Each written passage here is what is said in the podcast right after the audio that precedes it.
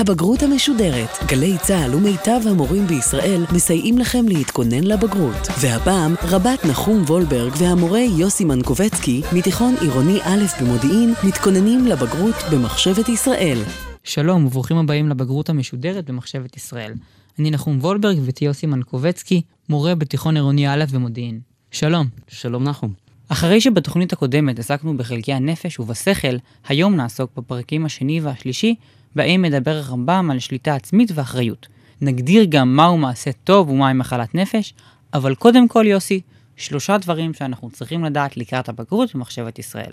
הדבר הראשון שאנחנו צריכים לדעת לקראת התוכנית הזו, זה שהרמב"ם חי ופעל בימי הביניים. הדבר השני שאנחנו צריכים לדעת זה שהרמב"ם מושפע מהפילוסופיות שרווחו בתקופתו. והדבר השלישי שאנחנו צריכים לדעת הוא מי היה האיש ומה הייתה יצירתו. הרמב"ם נולד בספרד ב-1138. נזכיר כאן שלושה חיבורים עיקריים שלו. הראשון, פירושו למשנה, שלמעשה שמונה פרקים זה רק חלק קטן, זאת ההקדמה לפירוש שלו למסכת אבות, שהיא חלק מן המשנה כמובן. החיבור השני זה משנה תורה, היד החזקה, שכן החיבור הזה מכיל 14 כרכים, יד 14 בגימטריה. כאן הרמב"ם מסדר למעשה את כל הספרות ההלכתית-תלמודית, מחלק אותה לנושאים, משמיט את המחלוקות ופוסק הלכות. הספר המרכזי השלישי של הרמב"ם זהו ספרו הפילוסופי, מורה נבוכים, המיועד לתלמידי חכמים בלבד, שנחשפו לפילוסופיה בתקופתו, והם נבוכים מן הסתירות לכאורה שבין הפילוסופיה ליהדות, והוא מבקש לפתור את המבוכה שלהם ולפתור את הסתירות לכאורה. בנוסף לשלושת החיבורים הללו, שכל אחד מהם הוא פרויקט חיים שלם, עוסק הרמב"ם ברפואה, הוא מתמנה לרופא בחצר המלוכה של סלאח א-דין במצרים, והוא נפטר ב-1204 ונקבר בטבריה.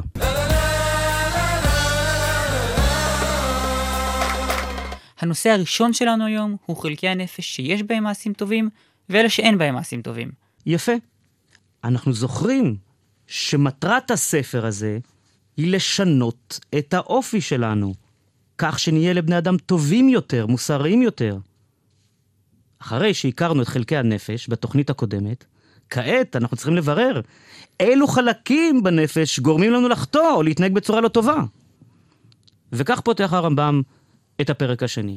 דע שהעבירות והציות לתורה מקורם רק בשני חלקים מחלקי הנפש, החלק החש והחלק השואף בלבד. בשני חלקים אלה מתהוות כל העבירות והמצוות. קביעה נחרצת. מדוע? על החלק המזין והחלק המדמה אנחנו לא שולטים. החלק המזין אמרנו אחראי על פעולות מערכות הגוף. אנחנו לא שולטים. אני לא שולט לא על מערכת העיכול שלי, לא על הכליות שלי, לא על מערכת הדם שלי, ולכן הם לא מקור למצוות ועבירות. גם על הכוח המדמה איננו שולטים, שכן, הוא פועל שעות נוספות בלילה כשאנחנו חולמים. זאת אומרת, הוא לא בשליטתנו המלאה. או בכלל לא בשליטתנו. הכוח המדמה, אני לא בטוח. אתה זוכר את איינשטיין מהתוכנית הקודמת? אוקיי? הוא הצליח להשתמש בכוח המדמה שלו, כן לראות את האמת אה, על העולם ולחשוף את חוכמתו של האל שטבועה במציאות בעזרת הכוח המדמה שלו, שכן את הנוסחאות הרי הם לא הופיעו לפני חושיו של איינשטיין. כך שאפשר להדריך את הכוח המדמה, כאשר השכל משתמש בכוח המדמה על מנת להיטיב לבחון את המציאות באופן שכלי, כך האדם מצליח לראות דברים שאנשים אחרים לא רואים, אבל אנחנו לא שולטים עליו באופן מלא, על הכוח המדמה. כמובן, הוא זה שגורם לנו דמיונות, הזיות, חלומות וכיוצא באלה. ולכן אי אפשר שיהיה בחלקים אלו עבירה וציות. לגבי החלק השכלי, יש התלבטות. האם אנחנו שולטים במחשבות שלנו? באופן חלקי. אך יותר מכך, האם לחשוב על משהו זו עבירה? מדוע? אומר הרמב"ם, אבל אני אומר שלפעמים כוח זה הוא מקור לציות או לעבירה לפי אמונה בדעה פסולה או אמונה בדעה נכונה. כלומר, הרמב"ם קובע בספרו משנה תורה, שהוא הספר ההלכתי שלו, בספר המדע, הלכות יסודי התורה, את שתי המצוות הראשונות הבסיסיות ביותר החלות על המאמין. לדעת שיש שם אלוה, ושלא יעלה במחשבה שיש שם אלוה אחר זולתו. וכך, הנה לך, ציווי על החלק השכלי, שאם לא תבצע אותו, הרי תחטא, אוקיי? זאת אומרת, כן, יש מצוות ועבירות על החלק השכלי. אבל אמרנו שאנחנו שולטים עליו רק באופן חלקי, התלבטות. אומר הרמב"ם, אך אין בו מעשה הנקרא מעשה מצווה או עבירה. אין עבירות בשכל, כיוון שאין בו מעשה. אמונה במשהו לא נכון, זו לא עבירה. אם המחשבה לא מובילה למעשים. כל עוד זה נשאר בראש שלך, סבבה. כל עוד זה רק מחשבה פנטסטית, שיישאר כך. לא נקרא לזה עבירה. אם המחשבה תוביל למעשה, אז זה יהיה חטא. אתה לא תעניש רק על המעשה, אתה תעניש גם על המחשבה. ייתכן מאוד. וכך, למעשה, נשארנו עם שני חלקים שמהם מתהווים כל העבירות והמצוות של האדם. החלק החש והחלק השואף, החלק הרוצה, המתאווה, כן, אל הדברים, או נרתע מפניהם. למה דווקא בחלקים הללו? שכן בחלקים האלה האדם שולט. כלומר, ציות ועבירה, כלומר, אחריות מוסרית, יכולה להיות רק על החלקים ועל ההתנהגויות שאנחנו שולטים עליהם. הרי כאשר אנחנו מעמידים אדם למשפט על עבירה שהוא עשה, על מה בעצם אנחנו מעמידים אותו? על כך שהוא היה יכול לפעול באופן אחר. ולא פעל. ולא פעל כך. שהרי אם הוא יוכיח בבית משפט שהוא היה אנוס לפעול כפי שפעל, הרי הוא יצא זכאי. אוקיי? זאת אומרת, אחריות מוסרית על אדם מוטלת רק כאשר יש לו בחירה בין מספר אפשרויות התנהגות, והוא בוחר בגרועה ובבלתי מוסרית מביניהן. אוקיי? זאת אומרת, בחלק החש ובחלק השואף, הם החלקים שיש לנו חירות פעולה לגביהם, או בם, ואנחנו יכולים לשלוט עליהם ולעצב אותם באופן חופשי. לאחר שהבנו שמקור המעשים הטובים והרעים שלנו הם בחלק החש ובשואף, נשאלת השאלה, מה טוב באדם הטוב? תלוי איזה סוג טוב אנחנו מדברים. טוב בלימודים? כי אז מעלות האדם הם מעלות השכל. חוכמה, ידיעת הסיבות הקרובות והרחוקות של דבר מה שקיים. אם אתה לומד פיזיקה, לשכל מספר מאפיינים.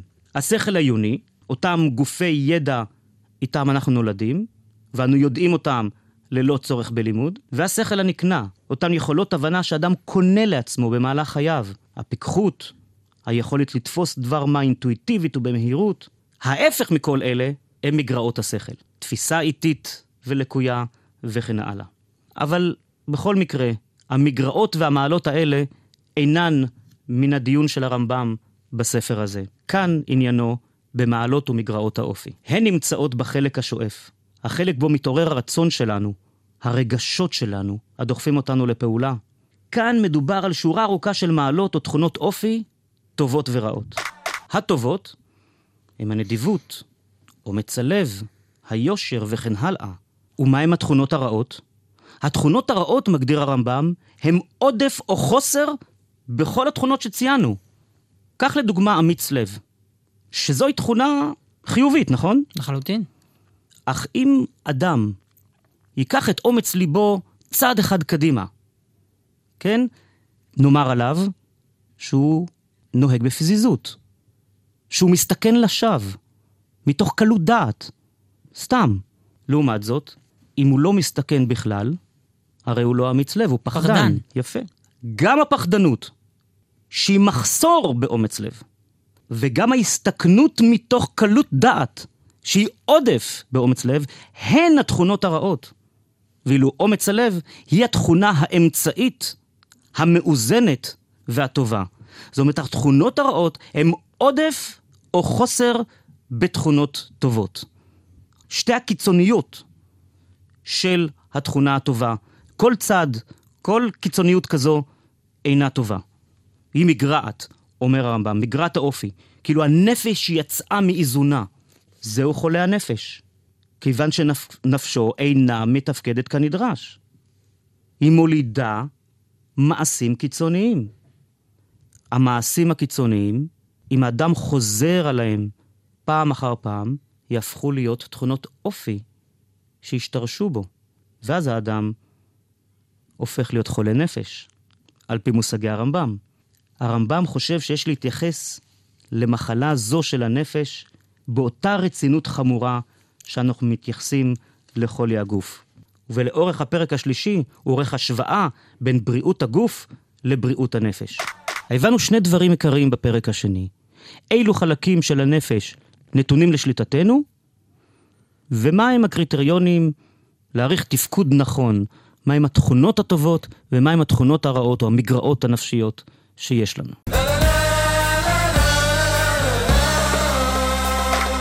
הנושא השני שלנו היום הוא חולי הנפש. את זה עושה הרמב"ם לאורך הפרק השלישי, כאשר לאורך כל הפרק כולו, הוא עורך השוואה, הקבלה ממש, בין בריאות הגוף לבריאות הנפש. ואומר הרמב"ם בפתיחה שלו לפרק השלישי, בריאותה של הנפש היא שתהיינה תכונותיה ותכונות חלקיה, תכונות שהיא תעשה בהן תמיד מעשים טובים, מעשי חסד ומעשים נעים.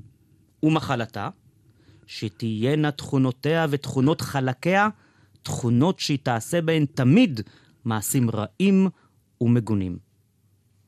זאת אומרת, נפש בריאה, נפש שתכונותיה טובות, היא נפש המובילה את האדם למעשים טובים, כן? שגורמת לאדם להתנהג באופן מוסרי ולעשות מעשי חסד. ומחלת הנפש היא מצב שבו הנפש מובילה את האדם, התכונות הנפשיות של האדם מובילות אותו לעשות מעשים רעים ומגונים. ולכן בהכרח כשאדם הוא חולה נפש ועושה מעשה רע, הרמב"ם אומר שהוא לא אחראי למעשיו? נהפוך הוא. אמרנו שמקור המעשים הרעים והטובים שלנו הם רק באותם חלקים שאנחנו אחראים עליהם, אוקיי? עכשיו הוא, הוא עושה השוואה עם מחלת הגוף. כאשר אתה חש שמשהו לא תקין בגופך, כיצד תפעל? ילך לרופא. ברור. כך עליך לפעול גם כאשר אתה חש שתכונות האופי שלך הן לא מאה אחוז, הן קצת מקולקלות. מי הוא רופא הנפש? אמרנו, הפילוסוף, איש המוסר, אוקיי? כפי שאתה עוקב אחרי גופך, ואתה תמהר, תחוש על הרופא, כדי לרפא ברגע שתבחין באיזשהו קלקול גופני, כך באותו האופן ובאותה רצינות והחומרה עליך לפעול כאשר מדובר בחולי הנפש. איך תדע שאתה חולה נפש? נדמה לחולי הנפש, אני מתכוון, אומר הרמב"ם, לרעים ולפגומים שמעשיהם רעים, שנדמה להם שהמעשים הרעים שהם עושים הם מעשים טובים, ושהמעשים הטובים הם מעשי עוול. אוקיי? ההבחנה, זאת אומרת, מחלת הנפש היא חוסר יכולתו של האדם להבחין בין טוב לרע, אוקיי? וכפי שהדרך לרפואת הגוף זה ללכת לרופא, כך הדרך לרפואת הנפש היא ללכת לרופא הנפש. כלומר לפילוסוף. למה הרמב"ם חוזר על ההקבלה הזאת? מה משמעותה? מה, חש... מה, מה המסר שהוא רוצה להעביר לנו כאן? האחד, את חשיבותה של מחלת הנפש. אסור לנו לזלזל בה. היא לא פחות חמורה מאשר מחלת הגוף, ועלינו לייחס את אותה חשיבות למחלת הנפש כפי שאנחנו מייחסים למחלת הגוף. כמו כן, מחלת הגוף היא דבר אובייקטיבי, כן? כאשר אם יש לי חור בשן, יכולים כולנו להסתכל על השן שלי ולראות את החור. זה דבר אובייקטיבי, בלתי תלוי. רוצה הרמב"ם לומר לנו בהשוואה הזאתי, גם מחלת הנפש היא אובייקטיבית. ניתן לאבחן אותה. וכפי שהרופא, רופא הגוף ירשום לך מרשם, ואתה תקפיד לקחת את התרופות הגם שהן לא כל כך טעימות לחך, כך רופא הנפש ירשום לך מרשם שעליך לבצע אותו, על מנת להבריא את נפשך, גם אם הדבר יקשה עליך ויהיה עבורך לא כל כך נעים.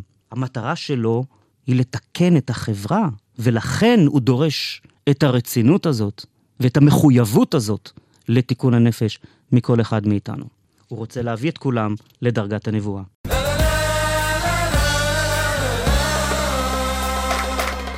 הנושא האחרון שלנו היום הוא מהו התנאי הבסיסי לרפואות הנפש. יפה.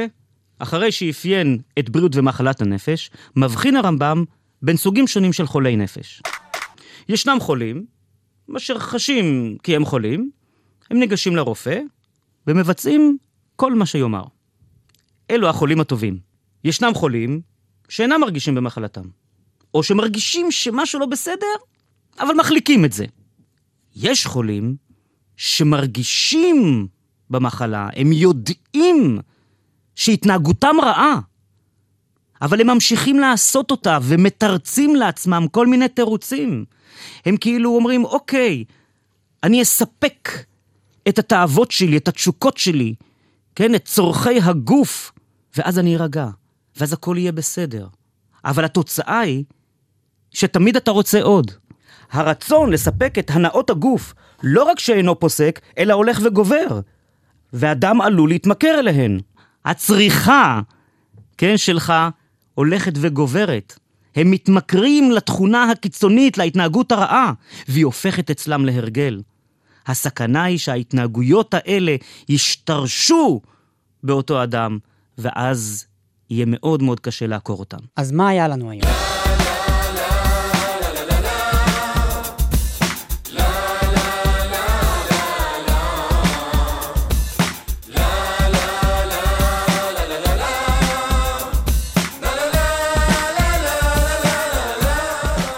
דיברנו היום, יוסי, על הגדרת המעשה הטוב, דיברנו על ההתלבטות לגבי ציווי על החלק השכלי, על המעלות והמגרעות שיש לנו בנפש, דיברנו על מהי מחלת גוף ומהי מחלת נפש, וכמובן על המודעות לחולי והדרך לריפוי.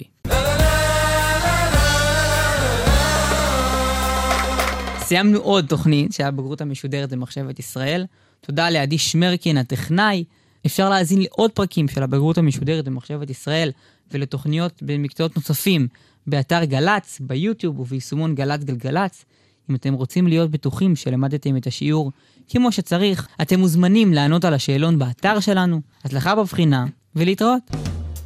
הבגרות המשודרת, רבת נחום וולברג התכונן עם המורה יוסי מנקובצקי לבגרות במחשבת ישראל. מפיק ראשי, ניתאי ענבי. עורכת הדיגיטל, אלונה בלקין. עורך דיגיטל ראשי, ברק חיימוביץ'. עורכת אחראית, מאיה להט קרמן.